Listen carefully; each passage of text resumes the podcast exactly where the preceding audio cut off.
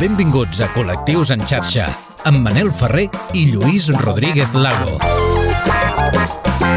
Per conèixer d'on venim cal que fem una mirada enrere i que ens fixem en tots aquells moments i persones que es van significar pels nostres drets, segurament sense saber la repercussió i les dures conseqüències que tindria el fet de sortir al carrer quan ni la societat ni tampoc les lleis jugaven al seu favor, Lluís. Hola, Manel. Hola, què tal? Avui descobrirem que a Barcelona es va produir la primera manifestació LGTBIQ+, impulsada per autèntics referents del col·lectiu i que, a més a més, tot aquell moviment, quan només existia Stonewall com a referent, va servir per veure néixer personalitats icòniques i que algunes d'elles fins fa poc passejaven pel Paral·lel i les Rambles de Barcelona. Dos espais claus per l'alliberament del col·lectiu a finals dels 70 i a principis dels 80. Avui, el Col·lectius en xarxa, la Barcelona dels 80. Estàs escoltant Col·lectius en xarxa. amb Manel Ferrer i Lluís Rodríguez Lago.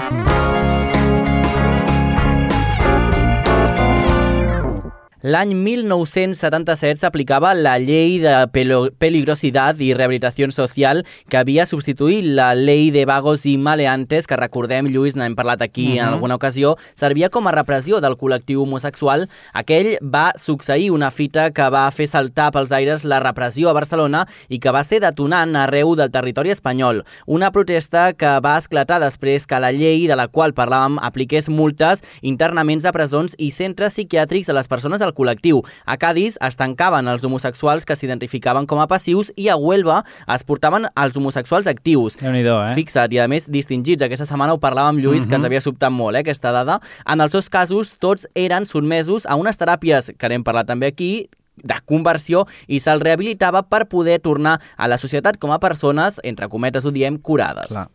La persecució va tocar sostre l'any 1970 quan els activistes Armand de, Fu de Fluvià i Francesc Francino van decidir fundar a Barcelona el Movimiento Espanyol de Liberació Homosexual.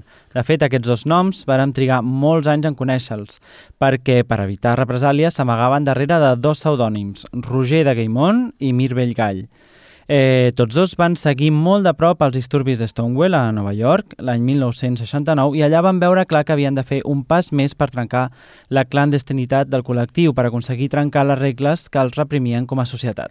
Amb la mort del dictador Francisco Franco, l'any 1975, Fluvià va crear el Front d'Alliberament Gay de Catalunya, una associació que s'ha mantingut fins al dia d'avui. De fet, aquesta va servir també com a germen de la creació de l'Institut Lambda, ara conegut com a Casal Lambda. Dos anys després, el 26 de juny del 1977, es va fer la primera marxa homosexual d'Espanya a Barcelona amb el Front d'Alliberament Gai de Catalunya com a capçalera d'aquesta concentració.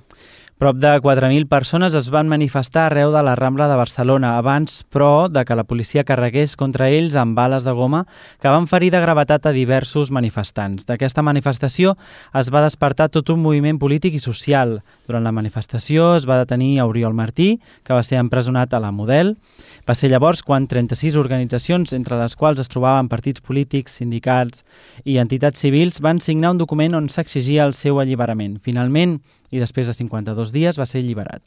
A partir d'aquell moment es van succeir diverses sortides al carrer on es cridaven lemes com amnistia sexual, no som perilloses o nosaltres no tenim por, nosaltres som. L'endemà de la primera manifestació a Barcelona, els diaris d'arreu, fins i tot els mitjans eh, novaiorquesos, es feien ressò del fet insòlid que una sèrie d'homosexuals prenguessin els carrers per fer un crit cap a les llibertats sexuals, un escàndol que va xocar directament contra l'Espanya catòlica que lògicament desaprovava tot aquell moviment amb les lleis i la religió en contra i sumant que per la medicina es tractava la gent del col·lectiu com a malalts, això és molt fort, Lluís, mm -hmm. però passava, resultava inviable poder fer-se un espai entre la societat que veia aquests manifestants com a homes que havien renunciat a la seva virilitat per sortir al carrer a convertir-se, ho diem entre cometes, en unes mujercitas. Malgrat les pors instaurades, Barcelona es va convertir en un espai de trobada per les persones del col·lectiu que, amb el poc que tenien, decidien deixar els seus pobles d'origen arreu del territori espanyol i arribar fins a Barcelona per provar sort,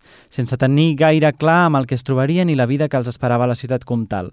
Una ciutat que, malgrat la repressió, tenia un gran neguit artístic i cultural i que va servir de refugi per tots aquells artistes i transformistes eh, i que sense saber-ho trobarien en l'art, el cabaret o la copla una via d'escapar atrapament i que els serviria per poder explicar de portes cap en fora com es sentien en el seu terreny més personal. Soy la que no tiene nombre, ay, la que a nadie le interesa. La perdición de los hombres. Yo soy un marginado, como las putas, como los chulos, como los maricones. Me fascinan los jardines, me fascinan las escaleras para chupar penes, me encanta. Yo no soy ningún travesti, por supuesto. José Pérez Ocaña, o com a ell li agradava que li diguessin la Ocaña, va néixer a Cantillana, província de Sevilla, l'any 1971 i l'any 1981 va abandonar la seva població natal a causa de la intolerància i la marginació i es va traslladar a Barcelona per convertir-se, sense saber-ho, en una icona de la resistència de la dictadura franquista i més tard a una de les figures claus, però oblidades per la historiografia de l'art espanyol. Ocaña causava repugnància i admiració a parts iguals i lluny de tornar a amagar-se per la por al que diran, ràpidament es va convertir en una cara coneguda del centre de Barcelona. La seva presència molestava els defensors de la tradició i el puritanisme, però també provocava admiració per part de les noves generacions, que dia a dia vivien amb l'ansietat de veure canvis en la democràcia i en la llibertat. L'Ocanya era un dels habituals a les manifestacions en defensa del col·lectiu, que es feien a Barcelona i ràpidament es va convertir en activista i en un defensor clau del col·lectiu a la ciutat comtal. Vivia a la plaça Reial i li encantava recórrer les Rambles vestit de dona andalusa, molt conscient dels seus orígens i rodejat també del seu boig grup d'amics, entre els que destaquen Nazario, encara viu i pare del còmic alternatiu a casa nostra, i també del dramaturg argentí Copi. Les performances d'aquells tres podrien servir per batejar els inicis de la terminologia queer, però segurament que en aquell moment a ells aquesta paraula els hi sonava extraterrestre. Després de recórrer tots els bars de Barcelona i de fer parada pel Canet Rock i els carnavals de Sitges, el cantant, pintor i, en definitiva, artista de varietats va decidir tornar a casa, a Cantillana. Al setembre del 1983 va tornar al seu poble natal per celebrar el Carnaval. Per fer-ho es va construir una disfressa de fada embolicada amb unes torxes que havien de representar la llum del sol. Aquella performance no va sortir bé i l'Ocanya va morir dies després víctima de les cremades que s'havia provocat la seva pròpia obra d'art. Això sí, es va molestar molt amb un dels seus bons amics que l'acompanyava per haver volgut salvar-li la vida i no seguir fent fotos i vídeos del moment que per ell representaven la cúspide d'aquella performance. Ara encara, les Rambles i la plaça Reial el recorden com un dels màxims exponents del moviment LGTBI de la ciutat. Perquè els pols oposats també s'atreuen, escolta col·lectius en xarxa. Barcelona guarda encara llegendes vives que van participar d'aquella primera manifestació del col·lectiu LGTBI a Barcelona i també a Espanya.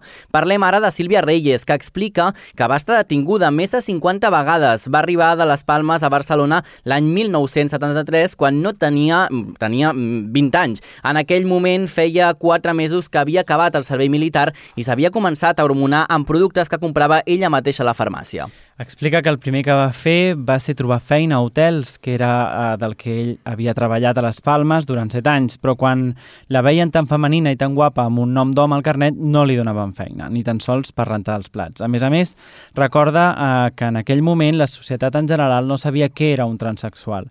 Durant el seu primer mes a Barcelona la van detenir tres cops i admet que en aquell moment ser transexual i estar al carrer no era segur, però tampoc ho era estar als locals d'ambient perquè era freqüent que s'hi fessin redades i es realitzessin detencions. La Sílvia explica que en aquell moment els homosexuals ho tenien millor que els transexuals perquè quan tenien davant a la policia els era molt més fàcil dissimular i amagar la seva realitat. Després de diverses detencions a Barcelona es va passar per diverses presons arreu de l'Estat on es pretenia que es curés i que després pogués tornar a la societat. Carabanchel i Badajoz són alguns d'aquests fatídics destins i després de tot això va aconseguir trobar feina en una sala de festes. Ella mateixa explica en un documental la crua realitat que patien les transexuals quan sortien de la presó. Cuando salimos de la prisión, a todas las transexuales, al siguiente día de que venía a nuestros domicilios el secretario del juez y nos comunicaba que estábamos expulsadas de, del, del, del territorio catalán dos años. Y entonces fue cuando decidí eh, pues dedicarme al espectáculo,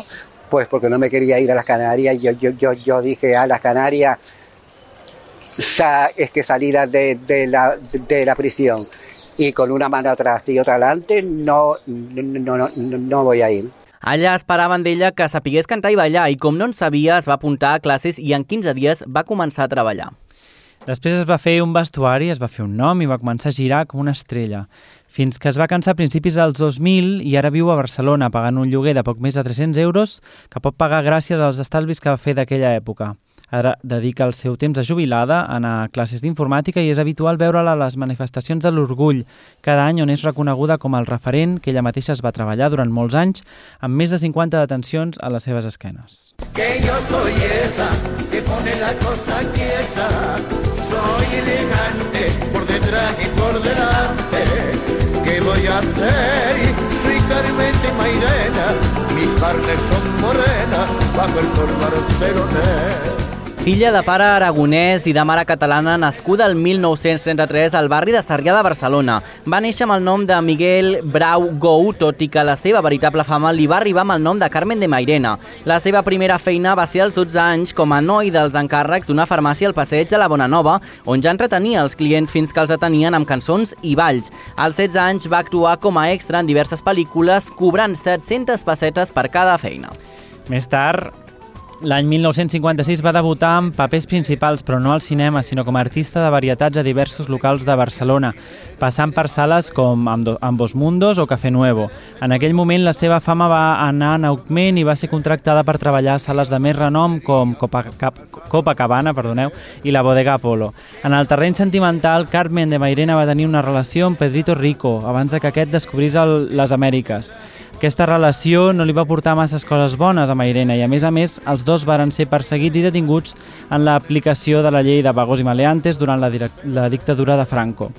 Ella va ser represaliada i va perdre la feina en diverses ocasions, mentre que ell va, va emigrar a Amèrica i va triomfar.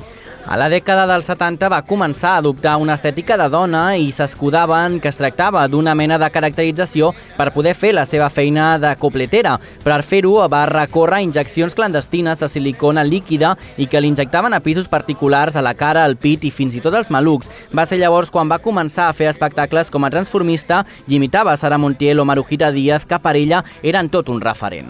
Aquest canvi d'imatge no va agradar a tothom i la seva trajectòria artística es va veure tan ressentida que va haver de recórrer a la prostitució al barri xinès de Barcelona per poder subsistir un barri xinès comprès dins del Raval i que va ser el barri on va viure fins pràcticament al final de la seva vida. De nou, la vida de Miguel de Mairena i després Carmen de Mairena va tornar a donar un gir als 90 quan la televisió va arribar a la seva vida i va participar al programa Força Barça. Després d'aquell van venir diferents feines a la petita pantalla treballant amb grans professionals com Alfons Arús, Xavier Sardà o Javier Cárdenas. Aquest últim va ser un dels seus grans amics durant els últims anys de la seva vida.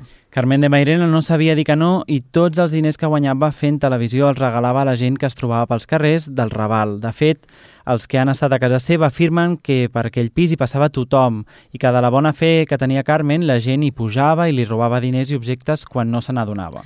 L'artista de varietats va fer de tot, va cantar, es va presentar a les eleccions a Catalunya com a número 2 a la coordinadora reusenca i va fer dues pel·lícules pornogràfiques de les que després se'n van penedir. Carmen de Mairena va morir els 22, el 22 de març del 2020 a causa de les morts eh, d'una mort natural quan tenia 86 anys. En ens faltarà encara presentar-vos un darrer personatge, la Mònica del Raval, però ho farem en companyia del nostre proper convidat. Ara seguirem, Lluís, però com ho estàs veient tu, aquesta Barcelona dels 80, eh?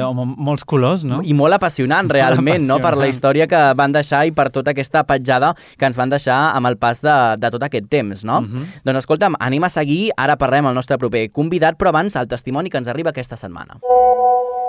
Jo volia explicar una situació que vaig viure quan anava a batxillerat i és que una de les meves millors amigues estava per aquella època sortint amb una noia i doncs un noi de la classe va, quan ho va descobrir li va preguntar que, que qui era el noi de la relació i doncs li va costar una mica entendre això del tema de que dues noies poden sortir sense la necessitat de que una interpreti el paper masculí i l'altra el femení. I a més també li va xocar que, que la noia era bisexual i que abans hagués estat sortint amb un noi i ara estigués sortint amb una noia, o sigui que el concepte aquest també li grinyolava una mica. Segueix-nos a les xarxes. Busca'ns i recupera tots els nostres programes, imatges i vídeos exclusius. Col·lectius en xarxa, a Twitter, Instagram i a les principals plataformes de podcasting. Hem parlat d'Ocanya, de Sílvia Reyes i també de Carmen de Mairena, però en aquesta entrega especial dels 80 Barcelona volem introduir un quart personatge, Mònica del Raval. Per fer-ho parlarem amb l'historiador de l'art i expert en divas locals Javier Morelope, autor del llibre de collage Mónica del Raval como vanguardismo. Javier, bienvenido, ¿cómo estás? Muy bien, muchísimas gracias. ¿Cómo me presenta? Me siento como una superstar. Hombre, es que lo que eres realmente, lo que eres y por eso tenemos que presentar como tal. Oye, primera pregunta, eh, ¿quién es eh, Mónica del Raval y por qué tiene que estar en nuestro listado de divas locales de los 70, 80, 90 de Barcelona? Hombre, Mónica del Raval es un vivo retrato eh, de la ciudad de Barcelona y no solo la ciudad de Barcelona, sino de diferentes ciudades de Barcelona, sobre todo desde la evolución y el paso de la transición española, porque una mujer como Mónica del Raval, que decide de manera propia eh, cambiar de vida y dedicarse al mundo de ser trabajadora sexual, pese a todo lo ocurrido en su familia y de lo que le dijeran, eh, desde Barcelona se fue a Ibiza, mirad que grandes ciudades como Barcelona, perdón, eh, como Madrid y luego a Ibiza para terminar su reinado aquí en la ciudad de Barcelona que ha estado en Barcelona ubicada en muchísimos sitios, desde lo que es la Rambla mítica durante 15 años para pasar posteriormente a la Rambla del Raval. Yo creo que tener a alguien como Mónica del Raval en el diccionario de personalidades es fundamental, primero, por eh, mujer atrevida, segundo, por, mujer que eh, lo que se proponía y hacía y sentía era eh, de manera totalmente libre, sin importarle lo que dijeran, incluso ni su propia familia, así que es necesario que esté en ese listado y en muchos más, no solo en este. Total, realmente hablabas de reina, pero eh, físicamente también, porque es conocidísima por ir con su corona desde siempre, ¿no? O sea, es eh, lo normal era verla o verla, ojalá podamos pronto volver a verla con esta corona por la calle, ¿no? La verdad que es que eh, para que veáis cómo es, cómo es Mónica del Raval, que ella, eh, de verdad que ella no hilaba sin, que ella no perdía puntadas sin hilo, porque es que eh, era muy fuerte porque jamás salía a la calle sin estar maquillada ni llevar su corona. es, es más, de hecho, en la foto de su carne de identidad, que yo tengo la suerte de poder haberlo visto y incluso tengo una copia, fue a la policía ataviada perfectamente porque ella nunca iba disfrazada, ella iba tal cual ella es y tal cual ella se sentía. De hecho, eh, desde los años finales de los 80 hasta lo que ella la llega de lo que es la, la, exposición del, del, 92 de Barcelona, ella empieza como, empieza como a experimentar un cambio en el maquillaje hasta dejárselo perfectamente ya como iconográfico, que es esos rabos eh, perfectamente perfilados de color negro, esa sombra azul, el colorete, mítico colorete, y como no, las eh, más de siete coronas que tiene en casa. Total. Madre mía. Hablábamos durante el programa de, Ocaña y decíamos que seguramente era sin saberlo uno de los creadores del movimiento queer. ¿Por qué crees tú que la historia lo ha arrinconado y no es un, un personaje mucho más conocido? Bueno, yo creo que eh, juega con un con dos vías muy diferentes. Lo que le ocurrió a Ocaña es que eh, se mezcló con una cosa que era política y en este país te mezclas con política, hijo, esa es acabada. lo hemos visto en más de una ocasión, ¿no? Sí. Él es militante político y además eh, por la CNT y además él se manifestaba y entonces esta parte política yo creo que no hizo mucha gracia en aquella España post-franquista, ¿no? Que no que no era ni transitiva, sino en plan en ese proto, proto transición en la que estaba Franco recién muerto, que él se pasea por las ramblas eh, completamente desnudo debajo del vestido, que eh, lo podemos ver en, la película de el grandísimo Ventura Pons de Retrato Intermitente, y yo creo que no ha pasado por la historia precisamente por eso, ¿no? Yo creo que en, la, en su momento de gloria, en los años 90, sí que fue muy reconocido, pero que en los 2000, pobrecito, eh, no sé si fue una cosa de la historia o que realmente las personas que han rodeado la figura de Ocaña, no sé si no se han preocupado de defender más esa parte artística, pero que por suerte eh, programas como el vuestro u otras personas que están vinculadas al mundo del arte y a nivel cultural están reivindicando la figura de Ocaña clave, sobre todo también Nazario, que permanece vivo y trabajando muchísimo desde la Plaza Real. Total. Eh, hablando también de otros personajes, porque hemos hecho un poco un mix de todo en este programa, ¿hemos sido injustos eh, con la repercusión mediática que le dimos eh, en los últimos años a Carmen de Mairena, convirtiéndola prácticamente en un personaje freak de la televisión? Es decir, como sociedad hemos sido injustos, no sé qué parte de culpa tenemos como televidentes y como espectadores de programas de televisión.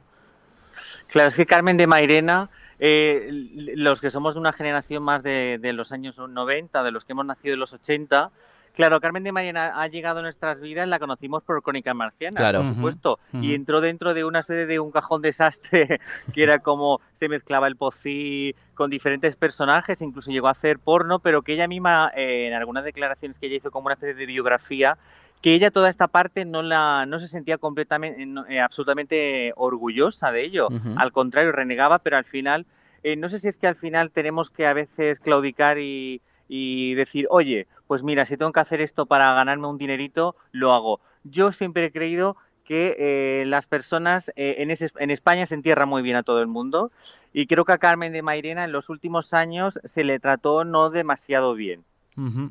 Por muchas partes de o prensa o colectivos, etcétera.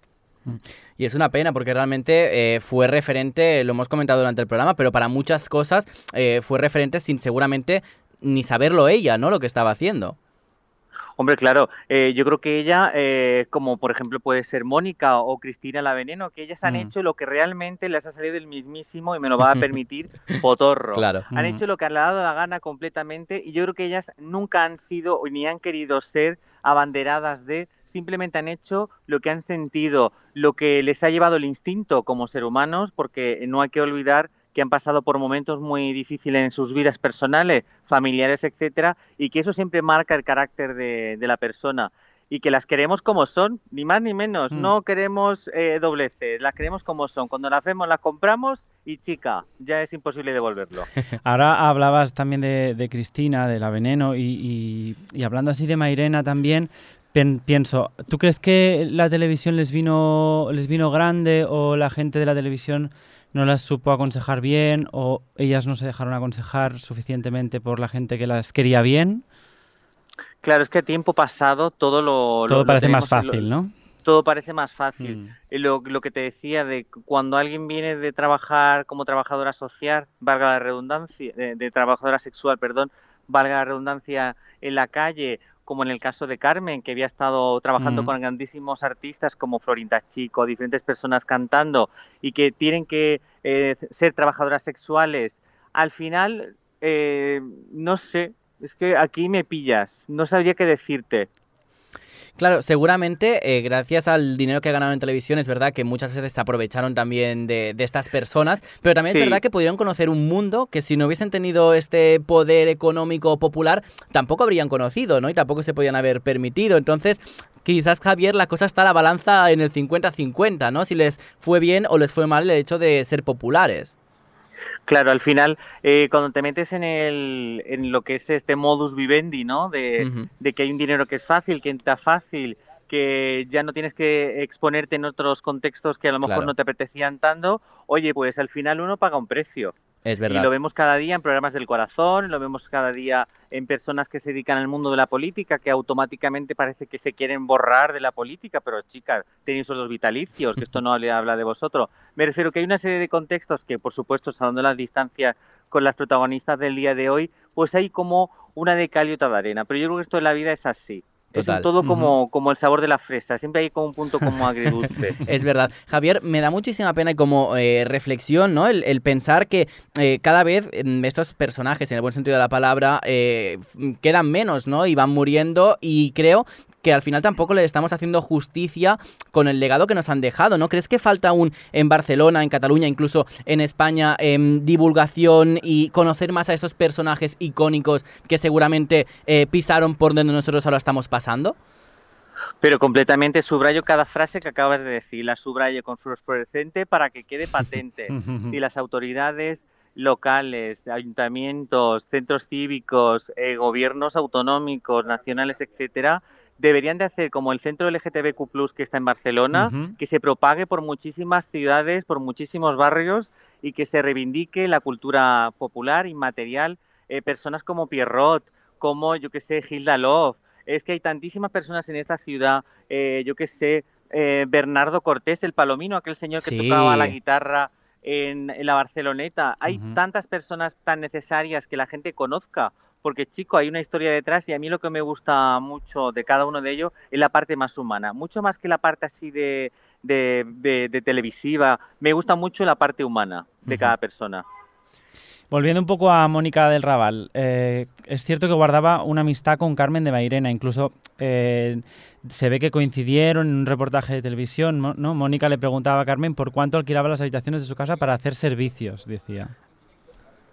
Sí, entre ellas, claro, por supuesto, primero que eran vecinas, que no hay que olvidar que eh, Carmen de Mairena vivía en la calle San Ramón, San Ramón, y, y Mónica del Raval ha vivido siempre en el carrer Rubador. Primero que eran vecinas y que lo que ellas se veían, eh, se veían totalmente de manera asidua, así como incluso eh, seguramente que cuando asistían a algún tipo de evento que se les invitaba, eh, pues yo que sé, como aquellos eventos y fiestas que se hacían en Cabaret Berlín, por ejemplo en Barcelona, o en el John John que se hacía en la, en el, en la carrera Scudellers, coincidirían y seguramente que hablarían de precios y de otras cosas mucho más que ni tú y yo sabemos.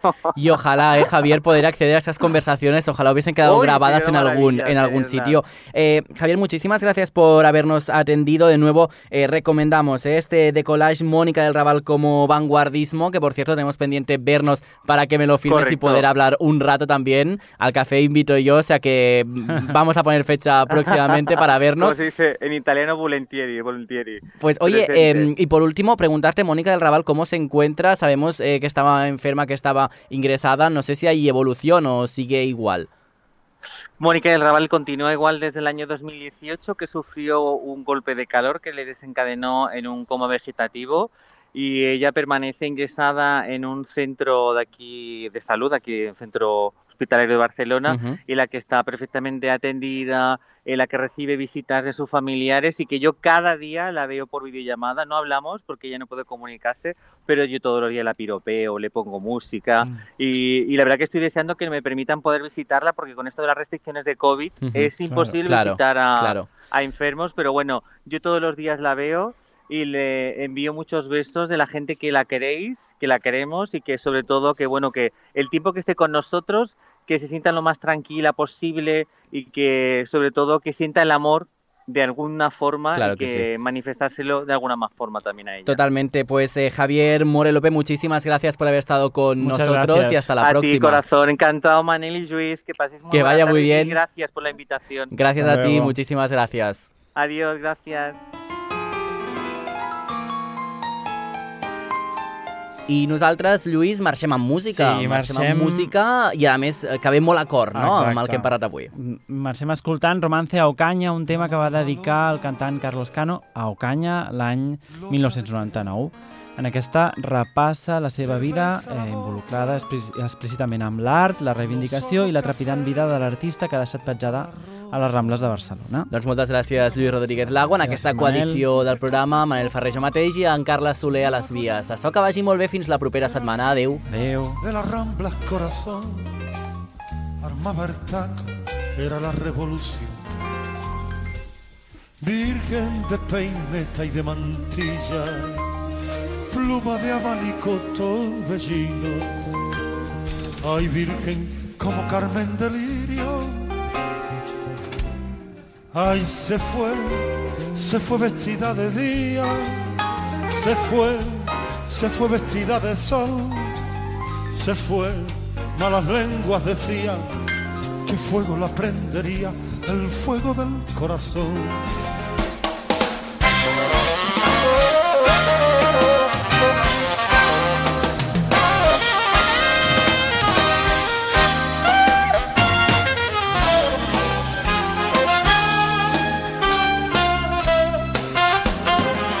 Feria en Cantillana, cometa de fuego, que en la primavera subió para el cielo, un ángel malo le estará cantando a Dios, ojos verdes, María de la voz. Fue libre en la duda, libre en el te quiero, libre, libre, libre como el viento, y pago el precio de vivir, y la alegría la pago con la moneda amarga del limón. Ay de quien no sienta la cabeza y entre nubes de sueños se pierde. Dios lo salve de la clase media. Ay, se fue, se fue vestida de día, se fue, se fue vestida de sol, se fue, malas lenguas decían que fuego la prendería, el fuego del corazón